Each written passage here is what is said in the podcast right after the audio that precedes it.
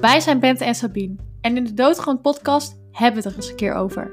De dood. Want waarom lijkt het alsof we de dood het liefst uit de weg gaan? In deze podcast proberen we haar recht aan te kijken. We bespreken onze vragen met elkaar en gaan in gesprek met doodgewone mensen waarvan hun verhaal gehoord moet worden.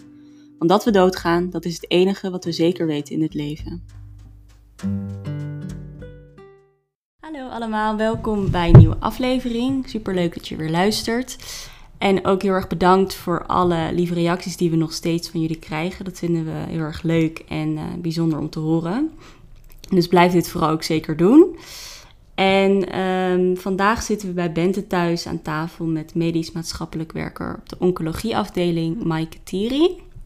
Hallo Maaike. Hallo. Wil je jezelf misschien even voorstellen? Nou, ik ben Maaike Thierry, ik ben medisch maatschappelijk werker op de oncologie in het Amphia ziekenhuis. En dat doe ik ook al heel lang. En verder ben ik ook nog um, vrouw en moeder en uh, bijna oma. En um, ken ik Bente natuurlijk ook al heel lang als heel klein meisje al, omdat ze de dochter was van mijn beste vriendin. Ja, dat is waar. En dat was Bente's moeder. Ja, dat Ja. was mijn moeder. Ja. Ja. Ja. Heel erg fijn dat je hier bij ons wil zijn. En ehm, zou je wat meer kunnen vertellen over het werk wat je, wat je doet? Wat dat precies inhoudt en eh, ja.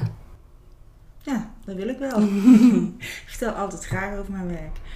Nou, ik ben maatschappelijk werker in het Amphia ziekenhuis en ik werk bij mensen die eh, kanker hebben. En dat doe ik met, eigenlijk met iedereen in de hele fases van het, eh, van het ziek zijn. Dus zowel als mensen net een diagnose hebben gehad, of als ze in de behandeling zijn, of als ze al klaar zijn met behandelen. Mensen die aan het herstellen zijn en mensen die aan het doodgaan zijn. Wij worden ingeschakeld, want wij, ik doe dat samen met een collega. Wij worden ingeschakeld op het moment dat mensen daar behoefte aan hebben. En wij worden ingeschakeld om hen te ondersteunen bij het omgaan met het ziek zijn. En dat kan eigenlijk met allerlei verschillende dingen zijn. Dat kan zijn van, goh, waarom gebeurt dit nu met mij? En, of hoe doe ik dat nou rondom mijn kinderen? Hoe vertel ik het tegen mijn kinderen? Hoe doe ik dat in mijn relatie? Hoe ga ik daar verder mee om? Hoe ga ik om met, met wat het in mijn lijf gebeurt? Uh, dat, uh, eigenlijk, dat het vertrouwen in je lichaam daarin weer minder is geworden. En al, over al die onderwerpen hebben wij gesprekken met mensen. En dat is soms uh, hebben we maar één gesprek, soms begeleid ik mensen heel lang. Dat is afhankelijk van wat de situatie is en wat er nodig is daarin. Dus dat is ontzettend leuk werk om te doen. En heel, heel veelzijdig en heel afwisselend. En heel intens af en toe. Ja. ja. Begrijp ik. Want hoe ben je eigenlijk hierbij gekomen? Want wilde je dit eigenlijk altijd al doen? Of? Nee. Um, toen ik van school afkwam ben ik eerst nog een jaartje uh, B-verpleging gedaan. Dus psychiatrie, uh, psychiatrisch verpleegkundige. Maar dat bleek niet zo heel erg bij mij te passen. Want als verpleegkundige ben je samen met een heel team verantwoordelijk voor wat er uh, gebeurt in je werk. En ik merkte dat ik het toch fijner vond om individueel verantwoordelijk te zijn voor wat ik doe. En dat als ik vandaag iets heb gedaan, dat ik daar morgen zelf ook weer mee verder ga. Dus ben ik van daaruit gaan zoeken, wat zou dat dan betekenen? Wat voor soort werk was daar dan bij? Dus een beroepskeuzetest gedaan. Daar kwam van alles uit, maar ook maatschappelijk werken. En toen dacht ik, oh, nou, daar ga ik me eens in verdiepen. En toen leek me dat een heel leuk beroep. En ja, het ziekenhuis heb ik altijd een hele leuke werkomgeving uh, gevonden. Dus toen kwam het eigenlijk al heel snel bij elkaar dat ik dan ook graag in het maatschappelijk werk van het ziekenhuis zou willen werken. Dus dan ben ik al in mijn stage terechtgekomen en eigenlijk uh, nooit meer weggegaan. Ja. Want waarom vond je het ziekenhuis dan een, een mooie werkplek eigenlijk? Want dat is eigenlijk een plek waar juist mensen graag niet willen komen. Nee, ik wilde als privépersoon ook niet per se graag komen. Maar als werkplek is het, het is een hele dynamische werkplek waar heel veel gebeurt en waar uh, het heel, ja, uiteindelijk is het heel existentieel. Het gaat heel erg over wat, het, wat er van belang is in het leven, gezondheid en, en, uh, en leven en dood ligt allemaal heel erg dicht bij elkaar en het is in het ziekenhuis eigenlijk allemaal aanwezig je doet dat met heel veel mensen en, en dat, dat, die samenwerking is ook heel uh, stimulerend daarin. Ik vind het als maatschappelijk werker heel leuk dat ik in een instelling werk waarbij het niet alleen maar gaat over, over mijn werk, waar ik eigenlijk maar een heel klein onderdeel ben. Dat, dat, dat vraagt eigenlijk dan net wat meer. Um, en de, de cliënten of de patiënten die bij mij komen, die komen eigenlijk grotendeels vrijwillig bij mij. En die willen ook heel graag hulp hebben. En dat vind ik ook een prettigere manier van werken. Ja. Ja, je noemde net ook dat je het ook heel intens vindt om, om dit werk te doen. Ja. Wat bedoel je daarmee? Nou, het gaat dus over leven en dood regelmatig in de gesprekken die ik met mijn eh, patiënten heb. En dan, dan moet het daar ook echt over gaan. Dus dan moet je ook wel echt gewoon daarover doorpraten, daar, daarop doorvragen en ook echt bespreken hoe dat het dan is. En dat betekent dat ik soms heel dichtbij, bij hoe, dat, hoe mensen dat ervaren, dat zij doodgaan bijvoorbeeld, dat ik daar heel dichtbij kan zijn. Ja. En dat vind ik heel bijzonder, maar dat is ook Mhm. wel heel intens. Ja. Ja. En merk je daarin ook je ehm, dat. Ik kan me voorstellen dat verschillende mensen heel anders daarin staan. Ja. Hoe vind je dat? Al die verschillende eh, manieren van omgaan eigenlijk met de naderende dood in dit Ja. geval dan? Ja, eigenlijk met alles, want iedereen heeft zo zijn eigen coping. Hè? Dus Ja. de manier waarop je daarmee omgaat. Dat is ook rondom, eh, rondom doodgaan.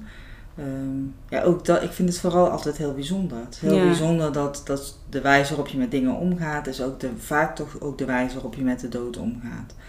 En eh, dus het past vaak wel bij de, bij de mens die voor mij zit. Mhm. Eh, problematisch is het vaker pas op het moment dat het dan niet past bij de wijze waarop de partner dat doet bijvoorbeeld. Of waarop de kinderen dat doen. Dat kan nog wel eens wat last geven. Als je alleen maar naar jezelf kunt kijken, ja, dan kun je doodgaan op de wijze waarop je geleefd hebt. Oh, dat is wel mooi gezegd. Ja, zeker. Ja. En, en jouw eigen eh, visie erop, hoe neem je die mee in je werk? Mijn visie op doodgaan. En op leven misschien En ook wel. ligt dicht bij elkaar, Ja, het ligt heel erg dicht bij elkaar. En nou ja, het, het ligt echt in elkaars verlengde. Ja. Ik bedoel, je kunt niet leven zonder dood te gaan. Je kunt niet doodgaan zonder te leven. Dus het Ja. is ook echt wel eh, onvermijdelijk. Mhm. En eh, denk, als ik iets heb geleerd in, in de loop van de jaren, is dat dat zo is.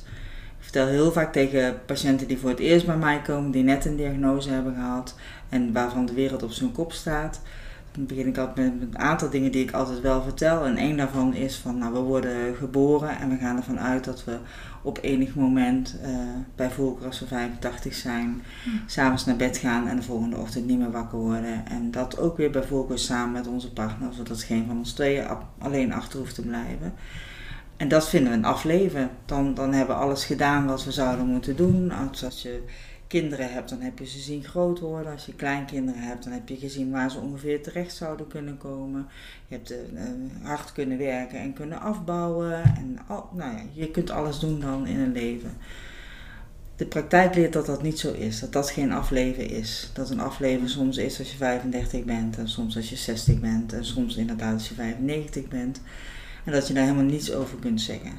Dus dat, dat, dat vind ik eigenlijk, eh, als het gaat over wat mijn visie is dan op leven en doodgaan, is het heel erg dat ik dat heb geleerd van dat afleven, dat bestaat niet. Of het bestaat wel, maar dan moet je kunnen zien dat 35 ook af kan zijn. Ja. Maar dat is ook wel heel verdrietig. Dan, Ja. ja.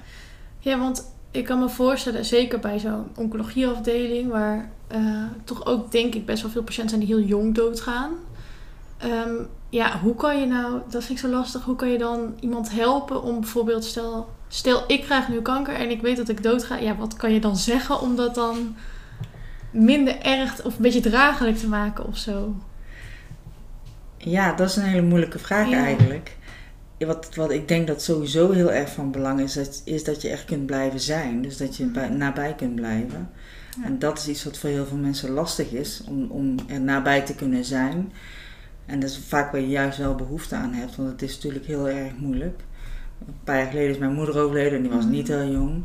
Maar die zei op enig moment tijdens, het, tijdens haar laatste dagen van... Ja, ik weet het ook niet. Ik ben ook nog nooit eerder dood gegaan. Ik weet niet hoe dat het gaat. En dat, Ja. dat is het natuurlijk ook. Ja, Degene die ziek is weet niet wat er gaat gebeuren. En mensen eromheen eigenlijk ook niet. nee. Dus je gaat met, met elkaar een, een onbekend pad op. Ja. En eh, ik denk dat het heel helpend kan zijn als er dan in ieder geval iemand met je meeloopt. Hm. En dan, dan, dan zoveel mogelijk maar aansluit dan. En dan verder, kijk wat ik doe, is dan uiteindelijk aansluiten bij wat dan de ander daarin wil Hm. Hm. en ziet. En dat kan soms zijn dat ze op een bepaalde manier willen afscheid nemen. En dan ga ik kijken, wat heb je daar dan voor nodig? Dus wat zou, hè, wat, wat zou je dan willen doen? Of hoe wil je het dan doen? Als mensen jonge kinderen hebben, willen ze heel vaak dat daar gewoon een, een kist voor is. Met, met eh, spullen die die kinderen op latere leeftijd nog zouden kunnen zien. Ze willen brieven schrijven die kinderen naderhand nog kunnen lezen. Ehm, ze willen eventueel ook gesproken woord. Er zijn, er zijn zoveel ideeën over wat daar allemaal over kan zijn. En vaak willen ouders dat ook nalaten aan hun kinderen. Willen ze dat ook wel gewoon kunnen, kunnen. En dan denk ik met ze mee van wat daarin dan zou kunnen helpen. En tegelijkertijd, als het dan soms ehm, eigenlijk veel te veel gevraagd is, dan, dan kijken we ook van, maar wat is dan ook nog goed? Als je het niet meer kunt, als je geen brieven meer kunt schrijven, wat, op welke manier kun je dan zorgen dat je, dat, dat je in de harten van je kinderen achterblijft? Ja. ja. Dat is wel heel mooi. Ja. Ja. Ja, dus aansluiten eigenlijk. En dat, dat Mhm. ja, nou ja, dat probeer ik dan in ieder geval zo goed mogelijk te doen. Ja. En heb je nu ook het idee dat, eh, ehm, doordat je nu al bij best wel wat mensen bent aangesloten in hun, in hun ja, onbekende weg, Mhm. dat die voor jou bekender is? Of, of Ja, dat zou werkt dat niet zo? Ik weet het niet. Nee. Ik ben bang dat ook ik eigenlijk gewoon nog steeds stiekem denk dat ik 85 word. En dat ik Mhm. samen met Pieter naar bed ga en de volgende ochtend niet meer wakker word. Ja. En ik weet dat het niet zo is. Mhm. Maar, dus ik ben bang dat dat eigenlijk geen verschil maakt. En eigenlijk, in- de afgelopen jaren zijn er wat mensen in mijn eigen omgeving overleden die mij heel dierbaar waren. En wat ik heb gezien is dat alles wat ik wist van mijn werk, ik had er helemaal niets aan. Het was echt totaal niet aanwezig. Mm. Ik zag niet wanneer het echt slecht ging met mensen. ehm, weet je, dus al, al die dingen. Ik bleek gewoon Maaike te zijn, eh, vriendin of dochter of, of eh, schoonzus. En, en dat is uiteindelijk ook wel prima natuurlijk. En ik verwacht dat dat ook zal zijn bij mijn eigen Ja. overlijden. Ja. Dat Dus- ik er dan, dan niet meer aan heb. Dat ik al die jaren zoveel ervaring heb opgedaan. Nee. Dus eigenlijk zeg je daarmee ook dat, dat je dus altijd een soort van... Ja, als maatschappelijk werker bent dan een, ja, een soort onbekende in, in een gezin of in, ja, Ja, in een patiënt en zijn of haar omgeving. Dat als je, als je dat zelf meemaakt, dat je dan eigenlijk ook een onbekend iemand nodig zou hebben om je misschien te laten zien wat zou kunnen helpen of zo, wat jij eigenlijk doet. Ja. Ja. Ja. Dus dat je dat eigenlijk niet zelf kan op zo'n moment. nou niet per se. Want ik bedoel, Mm. het is niet zo dat iedereen dat nodig heeft. Nee, maar dat nee. het in ieder geval niet zo is dat je het zelf zo makkelijk Precies. eh, kunt doen. Nee. Het is wel zo dat ik merk dat ik in eerste instantie wel die rol aanneem. Want ja, ik ben gewoon heel erg gewend om dat te doen. Dus in Ja. eerste instantie zal ik gewoon gaan kijken wat moet hier allemaal gedaan worden. Wat, eh, wat heeft iedereen nodig. Hm. Dan is het soms nodig dat ik even tot staan gebracht word. En dan weer kan zien van oké, en dit is mijn proces. Precies, wat Ja. heb jij nodig? Ja. Ja, Dus dan staat het meer in de weg dat ik al zoveel daarin heb meegemaakt. ja dat snap ik wel. Want is het dan ook voor jou zelf heel, ehm, stel een patiënt overlijdt, dat is natuurlijk wel iets heel anders dan een vriendin of zo. Maar vind je dat dan soms, ja, misschien confronterend of gek dat je dan ineens beseft van, oh, ik weet dus nu niet wat ik dan moet doen of eh, het voelt toch wel heel anders of zo? Het is vooral altijd heel vreemd, want mijn contacten zijn met de patiënten. En, en soms ook met partners en soms ook met kinderen, maar het grootste gedeelte is met de patiënten. Dus op het moment dat de patiënt overlijdt, dan is ook mijn, mijn verbinding daarmee weg. En dat Ja. is heel raar. Ja. Dus dan, dan heb ik eh, hele intensieve gesprekken gevoerd, soms. En dan is het toch gewoon zo dat het klaar is op het moment dat iemand dan overleden is. Hm. Dus dat, dat kan wel eens heel vreemd zijn. Ja, dat kan me wel voorstellen, ja. Want waak je daar nog eh, voor jezelf toe dat je dan bijvoorbeeld denkt, ja, ik moet niet te gehecht aan deze persoon raken, want misschien overlijdt hij wel of... Nee. Hm. Nee. Nee, of- Het blijft, het is, hoe betrokken ik me dan ook voel, blijft het wel ook werk. ja. Ja. Ja, dus dat is wel het verschil. Ja, en er zijn echt mensen waarbij ik heel erg geraakt ben als ze overleden zijn, of als ze overlijden. Maar ja, toch op een andere manier dan bij de mensen in mijn eigen omgeving. En Gelukkig. denk Ja. ik. dat denk Ja. ik ook wel. Ja. En, ehm, want je zei dus ook dat je eh, ook wel de kinderen, dat er daar soms een stukje bij komt kijken van, ja. Ja. hoe laat ik het achter en zo. Maar merk je dan ook met verschil van, nou, bijvoorbeeld eh, het omgaan met het overlijden van een persoon, van nou, met kinderen, die doen dan vaak, reageren vaak zo en eh, de partner zo. Is dat, kan je dat zo zeggen? Of is dat echt in elke situatie anders, dat de kinderen anders reageren? Of, Ik wil er zelf altijd wel voor waken om te generaliseren. Ja. Want dat, dat is natuurlijk precies het gevaar dan. Ik denk dat als mensen veel mensen achterlaten, dat ze in eerste instantie vooral heel erg bezig zijn met hoe is het dan voor die mensen. En daarmee zie ik ook wel eens dat als mensen weinig mensen achterlaten of eigenlijk heel weinig eh, contacten hebben, um, het soms haast makkelijker lijken te vinden om, om het los te kunnen laten. Um, en, en hoe ze het doen rondom kinderen, dus hoe dat, dat uh, de zaken geregeld worden, dat is heel verschillend. Net zo goed als dat die coping zo verschillend is en, en de wijze waarop je omgaat met je dood eigenlijk ook is zoals je omgaat met je leven. Dat is met dat soort dingen ook mensen die nooit heel veel besproken hebben met hun kinderen, gaan dat niet op het laatst in één keer heel erg veel doen. En andersom eigenlijk ook. Mm. Dus als ouders altijd open zijn geweest over hoe dat hun situatie was en, en waarom uh, iemand ziek is. En wat, nou, als ze al die dingen altijd besproken hebben met hun kinderen, dan zullen ze dat ook doen op het moment dat het richting het overlijden gaat. En dat blijven ook gewoon altijd ouders die denken van ik wil mijn kinderen beschermen. Ik wil ze gewoon mm. niet vertellen wat er aan de hand is. Wat vind je daar dan van? Dan probeer ik uit te leggen dat ze erbij gebaat zijn om het wel te horen. Hm. Dat het voor kinderen van belang is om te weten wat er aan de hand is. En dat kinderen ook weten dat er iets aan de hand is. Ja.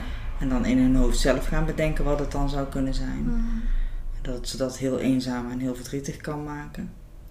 En soms is dat voldoende om ouders dan toch wel wat meer uh, te laten vertellen. Dus daarin geven ze ook wel advies. Zeker. Ja. ja. En is dat dan, het lijkt me heel lastig om elke keer bij um, ja, een nieuwe kamer in te stappen met allemaal nieuwe overtuigingen van, van de patiënt en die omgeving. Om je eigen overtuiging dan, die neem je die mee? Of ben je echt heel bewust van, ik kijk alleen maar naar wat, wat zij nodig hebben en daar pas ik me volledig op aan? Of zit er tussenin. Ja, ja. dat is misschien ook niet helemaal mogelijk, maar... Nee, het kan denk ik inderdaad niet nee. anders. Ehm, ik ben natuurlijk ook een professional, dus ik heb daarin ook gewoon een, een hele hoop bagage. Dus als het dan gaat over kinderen wel of niet inlichten, dat, daar zijn gewoon onderzoeken naar gedaan. Dat, dat, dat is duidelijk dat kinderen daarbij gebaat zijn om meer te weten hoe dat het zit. Dus dan leg ik dat ook wel uit. Ehm, en ik kijk dan samen met hen, wat betekent dat dan in jullie uh, situatie? En hoe langer ik nu aan het werk ben, hoe makkelijker ik daarin ook wel wat uh, meer mijn eigen persoonlijke situatie in mee kan nemen. Dat, vond ik toen ik net begonnen was, uh, was er niet aan de orde om iets te hmm. zeggen over mezelf of over mijn eigen situatie.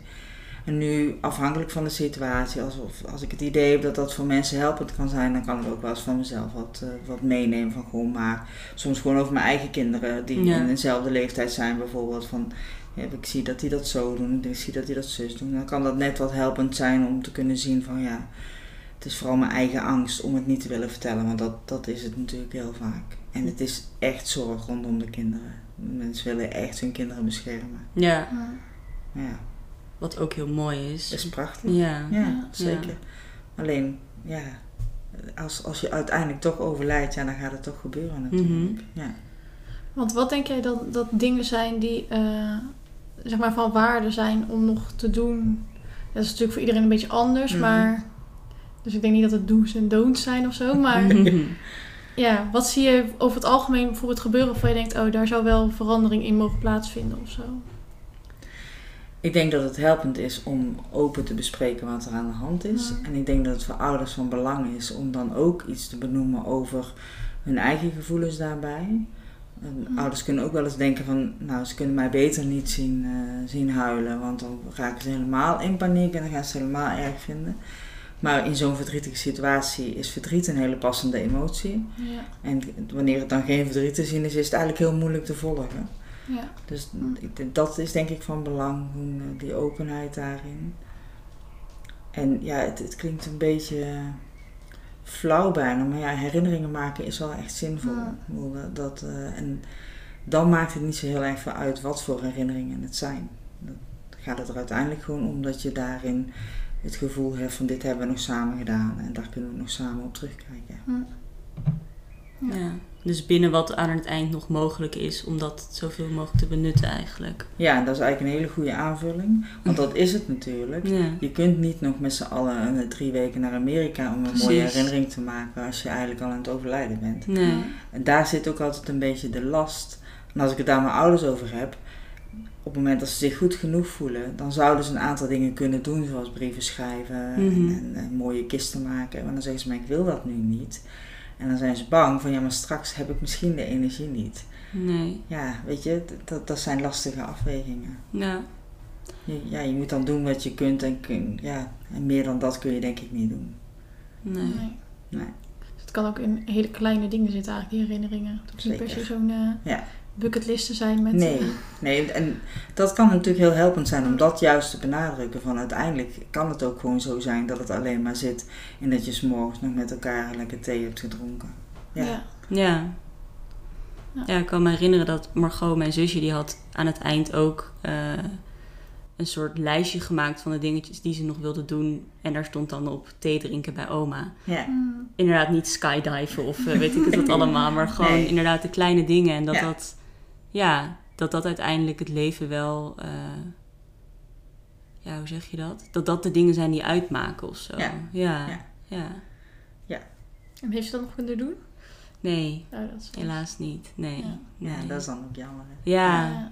ja. Ja. ja. En hoe, want ik me ook afvraag, het lijkt me als je inderdaad de hele dag op je werk ehm, best wel veel bezig bent met de dood en het leven ook Mhm. natuurlijk. Heb je door je werk het idee dat jouw kijk op de dood is veranderd? Ja, dat denk ik wel. Ja. In de, de- ja, ik was niet zo enthousiast over de dood. Ik vond het niet zo leuk om dood te gaan. En, en ik zou het op zich leuker hebben gevonden als dat dan niet zou gebeuren. Ja. En ik dat ben nog steeds niet dat ik denk van doe het maar nu. Maar het is wel dat ik me realiseer van het kan niet anders dan, dan dat je uiteindelijk doodgaat.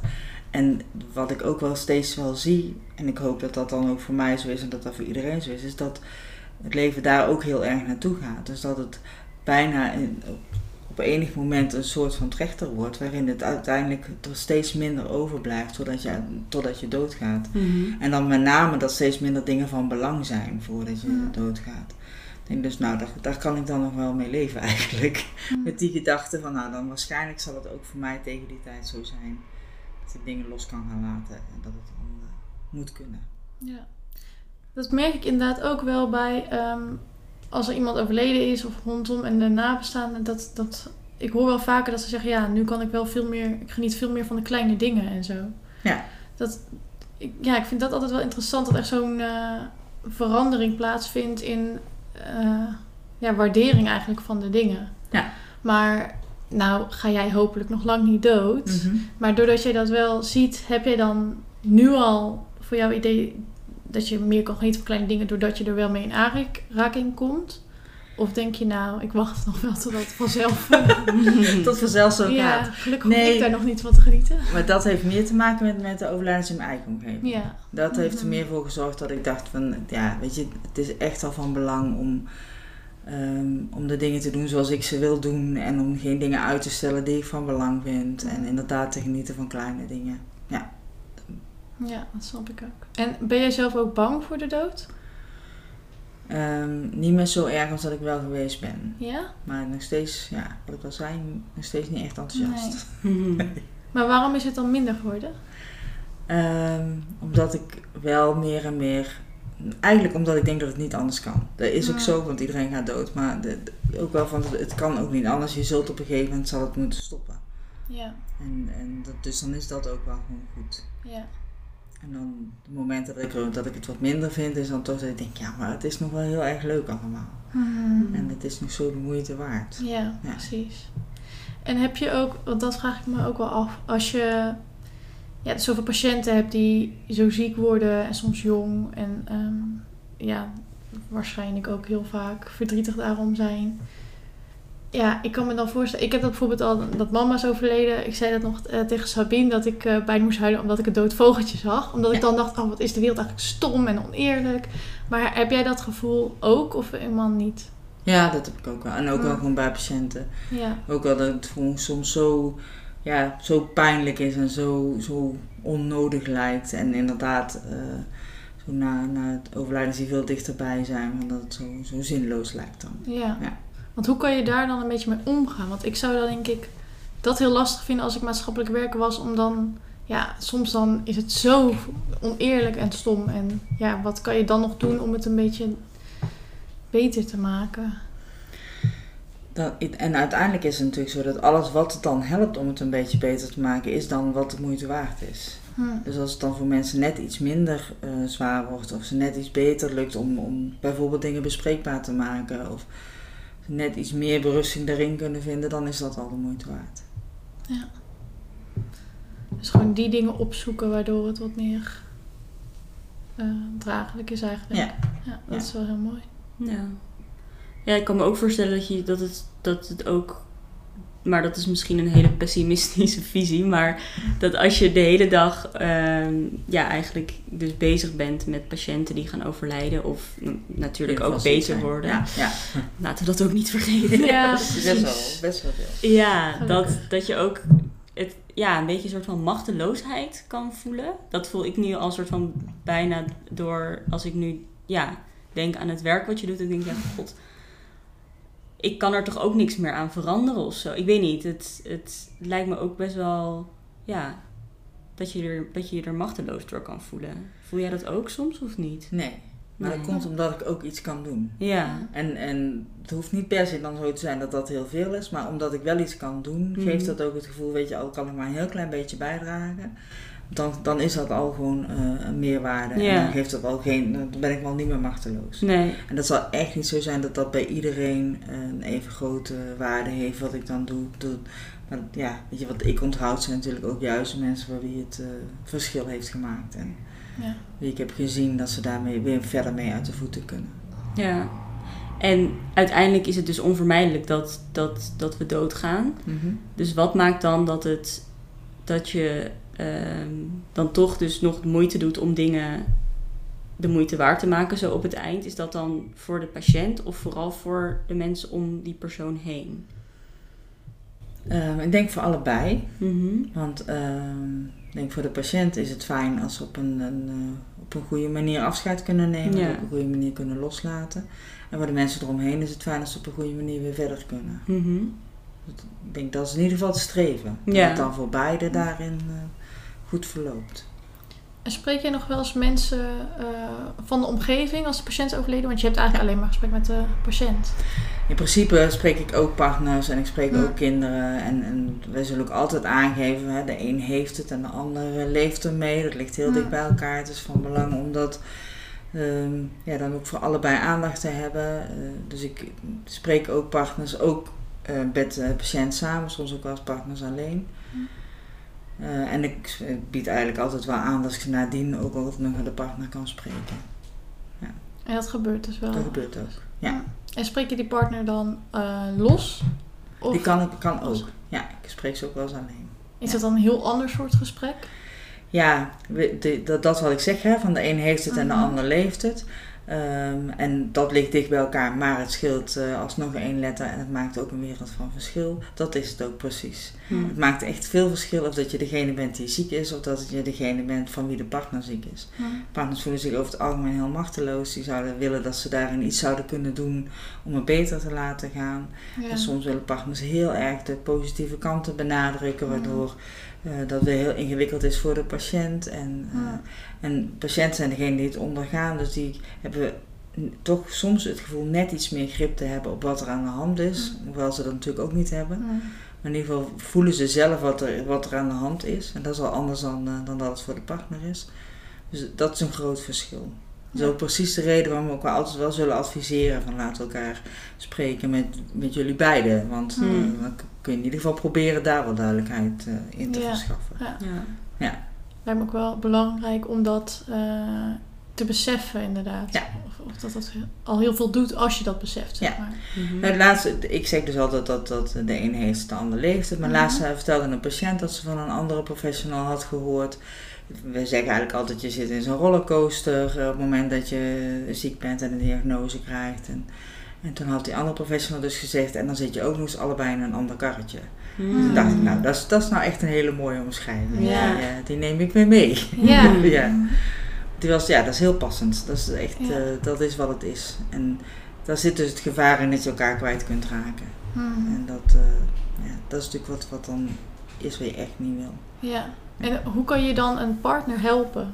Eh, of jij in jouw gesprek als maatschappelijk werker, zeg maar, wat, ja, wat kan je dan tegen zo'n partner zeggen? Ik denk dat het dan heel vaak gaat over de machteloosheid. En, Mhm. en ja, dat, waar zij daar dan heel erg in vastlopen. Want ze meer zouden willen doen en, en eh, ja, weet je, die, positief willen blijven en al die dingen, Mhm. dan helpt het om daar uitleg over te geven. Maar ook uitleg te geven over wat het dan kan doen voor een patiënt. Als de partner heel erg op de hoop zit, dat het dan voor een, voor een patiënt vaak moeilijk is om de wanhoop nog onder woorden te brengen. Ja, Terwijl beide natuurlijk hoop en wanhoop hebben. ja. Ja. Ja, want dat is natuurlijk ook wel ehm, iets wat je veel ziet, wat mama ook deed. Die bleef altijd van, nou, het komt wel weer goed. En Ja. hij had wel hoop en positiviteit. En wij gingen daar maar een beetje mee, omdat Ja. je kan ook niet zo heel veel... Ja, je gaat niet zeggen, nou, volgens mij ga je gewoon dood, toch? Ja, dat is een beetje raar om te doen. Maar ja, hoe zie jij dat dan? Nou, in zijn algemeenheid Mhm. eh, het valt veel, zeg maar bij jouw moeder ben ik natuurlijk ook eh, veel Ja, bij geweest. precies. En als ik dan merkte bij mezelf dat ik nou net iets minder eh, hoopvol Ja. was, dan was ook het eerste wat ze zei was dan, denk je soms dat ik doodga of zo?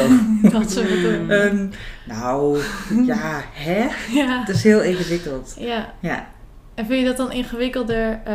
ja, het lijkt me wel. Maar bij mijn moeder, dus die een vriendin van jou is, eh, om daar dan iets tegen te zeggen dan bij een patiënt. Zou je dan bij een patiënt. bij patiënten zou ik dan uiteindelijk, weet je, ik had het net over hoop en wanhoop. Mhm. Dan zou ik veel meer benoemen van, goh, ik hoor dat je heel veel hoop hebt. Zijn er ook momenten dat je wanhoop hebt? Hm. Maar dat is zo een professionele insteek. Ja. Ja, dat kan ik bij een vriendin niet doen. Nee. En moet je je dan inhouden of komt het ook gewoon niet op op zo'n moment? Ik heb me wel eens moeten inhouden, maar het is ook wel zo dat het heel vaak niet echt opkwam. Nee. Dus dat, dat is eigenlijk dan ook wel weer prima. Ja, Ja, ja. Lijkt me ergens ook wel fijn ja om te beseffen dat je denkt, Ja. nou, ik ben niet eh, helemaal. Ge... dat is ook. Ja. Dat was ook wat ik eh, zeker eh, bij Anita, bij jouw moeder dan Mhm. ook eh, gemerkt heb. Van dat op het moment dat ik van haar hoorde hoe dat het ging. En, en eh, nou, dat zijn situaties die ik in het werk ook heel erg veel hoor. Dat daar waar ik, waar ik in het werk meteen weet, oké, nou dit gaat echt heel snel niet goed. Mhm. Heb ik er geen moment gedacht. Hmm. Toen dacht ik, nee, dat is helemaal prima. Natuurlijk, we Mhm. gaan nog allemaal chemokuren doen. En Ja. ik plan al mijn dagen vrij en dan kan ik er zijn voor jou. Ja, er is geen moment in me opgekomen, dat gaat niet gebeuren. dat is gek Het is eigenlijk. bijzonder wel dat die hoop dus zo Ja. ontzettend groot is dan. Ja. Ja, ondanks alle kennis. Ja. en- Want ik zei net, hè, we doen dat met z'n tweeën, dat werk. Dus ik vertelde ook tegen mijn, mijn collega van eh, hoe dat het dan was. En, eh, Mhm. en ik zag in haar ogen echt de, de, de schrik van, heb je het niet in de gaten? Mhm. Oh. En toen dacht ik, oh, ik denk dat ik misschien niet in de gaten heb. Nee. Maar ja, het is heel, heel... eh, maar het was, ja, het was wel fijn, want daarmee kon ik ook gewoon vriendin zijn. En dat is Ja. echt wel veel, veel waardevoller dan op dat moment eh hulpverlener Ja. zijn. Ja. En ik denk dat je misschien ook niet voor niets dat doet. Dat een mens dat gewoon... Ja, dan is blijkbaar dus de wil tot leven zo groot of zo. Dat Ja. je dan blind bent voor, eh, ja, voor de consequenties die er misschien toch wel boven het hoofd hangen. Ja. Ja. Ja. Ja. En de dood kan dus eigenlijk heel oneerlijk zijn. Dat Mhm. het, ja, je kan het niet plannen eigenlijk.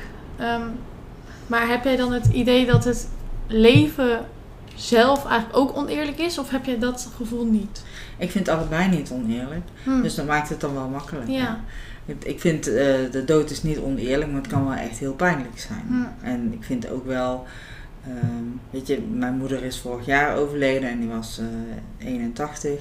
En die, nou, die was wel zo'n beetje wel op dat punt gekomen van dat het een afleven was. En het was passend en het was eh, verdrietig, maar ook prima. Eh, dat is veel beter mee om te gaan dan met het overlijden van jouw moeder, die gewoon nog midden in haar leven stond. En waarmee ik had afgesproken dat we door het bejaardenhuis zouden gaan met een rollator. Ja, Ja. dat gaat niet meer gebeuren. Nee. Dus Mm. het is, ik vind het niet oneerlijk, maar ik vind het wel veel pijnlijker. Ja. En wat, waarom is het niet oneerlijk?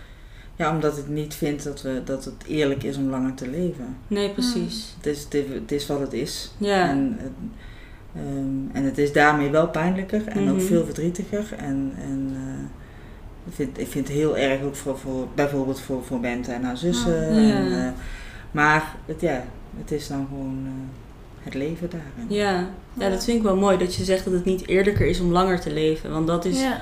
ook wel iets wat inderdaad, wat je aan het begin ook al zei, dat het een soort algemeen, ja, maar onbewust zit dat ook in ons, dat we gewoon Mhm. denken, inderdaad, we moeten 85 worden en dan is het goed. Ja, Het hoort niet anders. Precies. Maar ja. Ja. Maar terwijl de praktijk bewijst zo hard het tegendeel, maar toch is er iets in ons Ja. cultuur, weet ik niet, of in ons Ja. mens zijn, wat, wat dan daar gewoon niet naar wil luisteren of zo. Ja. Ja. Ja. Maar dat lukt jou dus eigenlijk wel.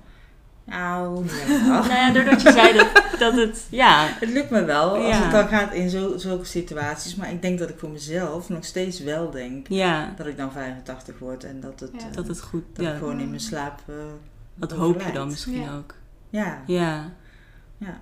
Want het is eigenlijk, als je het echt een beetje doordenkt, weet je, het is eigenlijk best een filosofisch idee, ehm, dat wij op die manier de dood een plek geven in ons leven, zeg maar. Daar bouwen wij eigenlijk naartoe. Toch? Mhm. Ook je groeit op en je gaat Ja. studeren en Ja. daarna ga je werken. Nou, stel je gaat, je overlijdt al terwijl je studeert. Ja, dat hoort er niet, want je moet nog gaan werken. En je daarna, pas als je met pensioen bent, dan kan er zeg maar een plaats komen. Eh, Waar je eventueel dood zou kunnen gaan. precies. Ja. Ja. ja. Ehm, maar zou je dan ook eigenlijk kunnen zeggen dat we heel anders met het leven ook om zouden moeten gaan? Of dat dan eigenlijk niet, echt? Ja, moeten sowieso dan niet. Nee. Het, het, eh, Ja. Ik denk dat als mensen jonger overlijden dan dat je daarin verwacht, dan, dan weet je, dat is denk ik wat ik ook in gesprekken wel echt bespreek. Op het moment dat je een diagnose krijgt, dan, ga je er, dan weet je, ongeacht wat er gaat gebeuren, als ik nu niets doe, dan ga ik je dood aan. Ja. Hè, dat, dat, kan, op enig moment gaat dat gebeuren als je niet gaat behandelen. Nou, als je dat, dat, die kans hebben mensen helemaal niet om dat te bedenken. Want er wordt meteen gezegd, maar we gaan wel behandelen. Dus dan, Hmm. dan, eh, dus dat, maar ik zeg heel vaak in mijn gesprekken van op dat moment weet je dat wel. En dus op dat moment ben je, word je geconfronteerd met het feit dat die 85 niet per se haalbaar is. En dan op wel hoe oud je ook bent bij die diagnose. Daarom staat dat hele stuk wat nog moet gaan komen, waarvan je dus dacht dat het gewoon zou gaan komen, Mhm. dat staat onder druk. Ja. En dat is natuurlijk dan in één keer ga je over al die dingen nadenken. Ja. Dus dan ga je bedenken, ja, maar dan zie ik, zie ik niet met welke partners mijn kinderen thuiskomen. En ga ik niet meer zien of dat ze kleinkinderen eh, voor mij gaan maken of zo. Mhm.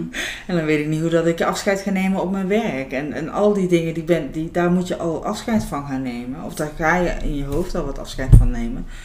En dat is natuurlijk echt heel pijnlijk. Ik bedoel, dat, dat zijn ook gewoon de moeilijke momenten. Dus leven, elke dag leven zoals het je laatste dag is, Mhm. dat lijkt me best een ingewikkelde. Ja. Ik hoorde vandaag net op de radio Jeroen van Merwijk eh, Ja. zeggen. ehm, je kunt ook elke dag leven alsof je nog 30 jaar te leven hebt. Ik leef Hm. alsof ik nog 30 jaar te leven heb, zei hij. Nou, heeft inmiddels een diagnose darmkanker gekregen en hij weet dat hij gaat overlijden. Dus ik dat is eigenlijk ook wel heel mooi. Dan ga je er eigenlijk gewoon vanuit van, ik zie het wel. Ik zie wel hoe dat het verder gaat lopen. Ik hoef er geen druk op te leggen. Nee. En wat je net zei over dat, dat mensen dus een diagnose krijgen op het moment dat er eigenlijk nog heel veel mijlpalen in het verschiet liggen. Mhm. Ehm, is dat ook iets wat je. ehm, is dat denk je ook dat wat, wat maakt dat wij denken dat we tot ons 85ste leven, omdat we bij voorbaat al denken: oh, dit gaat er gebeuren, dit gaat er gebeuren Ja. en dit gaat er gebeuren. denk het. Ik denk, Ja. het. ik denk dat dat eraan aan meewerkt. Ja. En denk je ook dat het dan mogelijk is om dat soort van... Nou, stel je hebt nog drie maanden te leven... om dan in die drie maanden daar allemaal afscheid van te nemen? Ja, iets zit daar in die trechter waar ik het net over Ja. had. Waarin je dus ook dat, soort- dat soort dingen gaat loslaten. Ja. Ik denk op het moment dat je weet van, nou oké, ik ga niet zien hoe dat mijn kinderen eh, voor kleinkinderen gaan zorgen. Dan, dan, ja, dan, dan moet je het wel gaan loslaten. Ja. En gebeurt dat ook altijd bij patiënten? Ik denk het niet. Ik denk niet dat het voor iedereen eh, altijd zo zal werken. Maar ik zie wel dat het wel veel zo werkt. Ja. En misschien ook niet in alle punten en ook niet, niet altijd. Het is natuurlijk nooit een rechte lijn Nee. daarin. Dus het zal best wel zo zijn dat er dan ook wel weer moeilijke momenten komen. Mhm. Ik, ik zie nu iemand die ik al heel lang ken en die ook al heel lang een diagnose heeft en daarin ook al heel veel heeft meegemaakt. Mhm. Voor haar is inmiddels duidelijk dat het eh, echt wel, wel op een kortere termijn nu afgelopen gaat zijn. Ze verwacht zelf echt nog wel binnen deze zomer. Mhm. Ehm, en ze, ze zegt zelf eigenlijk met, met verbazing een beetje van... Goh, alles waar ik me zo druk over heb gemaakt, het is gewoon minder belangrijk geworden. Ja. En, en er zijn, het is nu heel duidelijk wat wel belangrijk is nu voor mij op dit moment. En daar zit het misschien ook wel in. Van, omdat het toch niet kan. Je kunt je Nee. wel druk blijven maken over die dingen, maar je kunt er ook niks meer mee. Eigenlijk Misschien. gedwongen om los te laten. Ja, Ja. als je de tijd hebt. Want dat is natuurlijk is wel, wel waar. zij heeft Ja. de tijd. En dat is Ja. natuurlijk wel wat er dan gebeurt. Ja, Klopt. Ja. precies. Dat is dan wel nodig. Ja. Want ik heb inderdaad ook een keer bij dat programma Over mijn lijk... was er ook zo een patiënt en die had dus zo'n ehm, diagnose... en die had toen overal afscheid van genomen... en toen kwam de dood maar niet. Ja, En toen werd ze dus heel depressief... Ja. omdat ze dus al een soort van zat te wachten. Ja. En, Ja. ja. Ja. Heb je dat ook wel eens? Dat dat gebeurt bij patiënten? Als Hm. mensen echt verwachten van nou, dat gaat gewoon op korte termijn zijn. Maar de, de- iedereen reageert daarop. hè. De hele omgeving reageert Ja. daarop. Nou, dan ga je zelf steeds meer afsluiten. Ja, en wat doe je dan als je er dan maar gewoon maar steeds maar blijft? Ja. De, de, omgeving sluit daar niet zo goed op aan over het algemeen. Dus dit- dat maakt het dan wel heel, heel zwaar. Dan, Ja. eh, ja. En dan En dan moet je dus weer een manier zien te vinden Ja. om weer opnieuw nieuwe we- mijlpalen te maken. En, en, eh, en wel het vertrouwen te hebben dat dat ook weer kan. Mhm. Dat vraagt natuurlijk ook vooral de omslag. Ja. Ja, Ja, dan, is, dan moet je een soort van weer durven hopen of zo. Ja. Terwijl je eigenlijk dat allemaal net overboord hebt Mm. gegooid. Ja. Omdat je, ja. Ja. Ja, dat is wel eh, Het vraagt moeilijk. nogal wat van Het vraagt nogal wat, Ja. leven. ja, ja precies. Ja. Ja. Ja. Ja. En een hele andere vraag, maar over de dood. Heb jij daar zelf nog ideeën over dat er dan iets is of zo? Of, of helemaal niet? Nee, ik zou het echt heel fijn vinden als er Mhm. wel eens, maar in mijn, in- ja, voor mij is dat er niet. Mm. Maar wat ik wel echt heb, en dat, dat, eh, zo voel ik het voor mezelf ook, is van zolang als je in, in, het, in het hart van andere mensen bent, dan, dan ben je er dus ook nog. Dus dat vind ik wel echt eh, heel belangrijk en, en eh, zinvol om me te blijven realiseren. Mhm. Dat dat wel zo is. En dat kan dan in allerlei momenten zijn. Ik bedoel, je kunt liedjes horen, eh, vogeltjes zien, vlindertjes zien. Mhm. Waarbij je dan daardoor ook weer denkt aan die, eh, aan die persoon. Ja. Ja, en dat, eh, denk ik, daar, daar zit voor mij de, de grootste kracht. Dus daar zit ook wel veel waarde in dan. En in die Ja. herinneringen. En, eh, ja. Ja. Dat is natuurlijk ook wel heel mooi. En nog een hele andere vraag. Ja. Ehm, jij bent een maatschappelijk werker, maar eh, jij zei al dat mensen vrijwillig naar jou toe komen. Maar dan heb je ook natuurlijk psychologen, geestelijke verzorgers en zo. En ja, wat is nou precies dat verschil?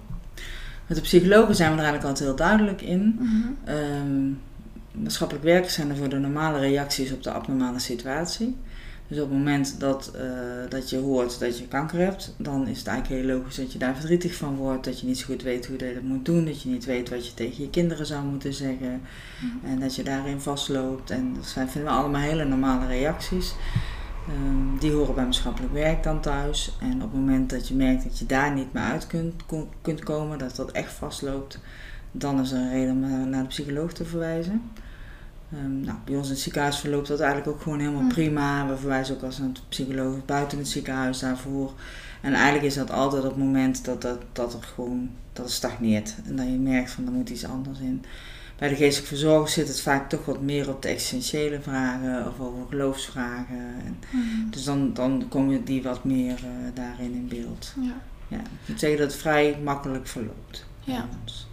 Terwijl ik ook nog wel uit jouw verhaal best wel opmaak dat er ook best wel veel existentiële vragen Ja. bij maatschappelijk werken. Eigenlijk meer dan ik dacht. Ik dacht dat het maatschappelijk werken eigenlijk nog praktischer eh, was dan, ja, dan die Ja, nee, vragen. die, die horen Ja. ook wel, ook, er zit ook overal een overlap. Mm. Ja. Want de, ook bij de normale reacties, bij de abnormale situaties, weet je, soms dan zijn ze misschien net niet meer helemaal normaal. Mm. Maar dan, dan is het wel zo dat het nog steeds wel eh, past bij wat ik daarin te bieden heb. En zo is dat bij die essentiële vragen ook. Ik denk als, als mensen echt eh, vooral worstelen met waarom gebeurt dit nou met mij en, en, Mm. eh, en wat gaat er nog meer komen, wat, Ja. wat gaat er zijn na de dood, dan, dan ligt dat zo op dat gebied van de geestelijke Ja. verzorging. Dan is het duidelijk en ik denk dat zij ook gewoon mensen zien die wij ook zien, zeg maar. Oh ja. Dus dat, dat ook zit, zit echt een stuk overlap. Ja. Ja. Hm. En soms is het ook gewoon dat mensen eh, de voorkeur geven aan van nou doe maar een geestelijk verzorger Hm. of nou ik heb liever een maatschappelijk werker, weet je, de, Het Ja. gaat ook om de persoon natuurlijk Ja, ja. uiteindelijk. Ja. Ja. Ja. zeker. Ja, want het moet natuurlijk ook wel een soort klik zijn met een patiënt, Zeker. denk ik. Ja. Was ook misschien niet bij iedereen eh, Nee. dat het past. Nee. Ja. Nee, dat is heel belangrijk. En daarom is het ook altijd fijn dat wij met z'n tweeën zijn. Want dan mocht het dan zo zijn dat het met de een niet zo makkelijk klikt. Dan kun je altijd nog kijken of het met de ander wel zo is. Ja. Oké. Mooi. Ja, heb je zelf dingen die je nog van tevoren had bedacht die je graag wilde vertellen of uh, um, die je nu nog niet nou, Ik denk dat we best wel veel toch wel uh, Ja. besproken hebben. Ja. Zo, uh, Ja, ik vind het een hele mooie dingen gezegd. Zeker. Echt wel. Ja, ook een eh, nieuwe manier om over de dood na te denken, Ja. denk ik, toch? Ja. En jullie hebben ook hele mooie vragen gesteld. Dus dan is dat uh, makkelijker om te zeggen. Ja, nou, dankjewel. ja, heel erg bedankt dat je Ja. de tijd wilde nemen hiervoor. En af te sluiten hebben we Maaike nog gevraagd om iets te delen wat haar raakt. Maaike, zou je daar iets over willen vertellen? Nou ja, je vroeg natuurlijk of dat uh, iets was wat ik wilde lezen, eventueel of dat er iets was wat daarin mij, uh, mij raakte. En daar heb ik heel erg hard over nagedacht. Want toen dacht ik, maar eigenlijk is het bij mij altijd muziek wat me, me raakt. Hoe geraakt ik ook kan zijn door, door een boek of door een gedicht, is het nog steeds muziek wat me meer raakt.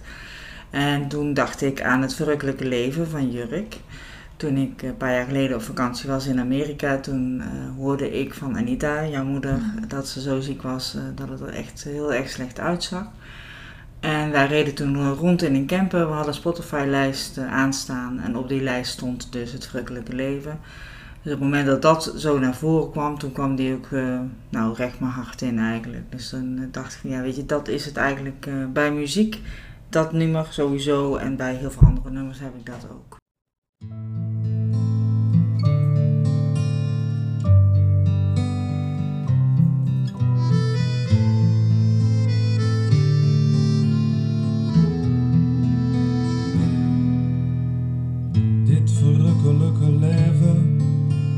Dit hartverscheurende bestaan.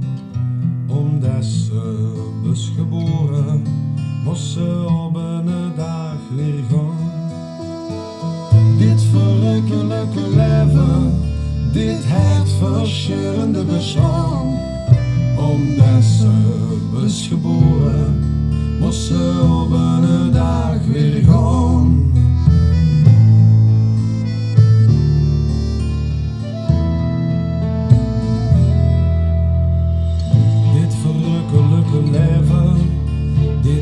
Hartverscheurende bestaan. Omdat ze was geboren, moest ze op een dag weer gaan. Dit verrukkelijke leven, dit hartverscheurende bestaan. Omdat ze was geboren, moest ze op een dag weer gaan.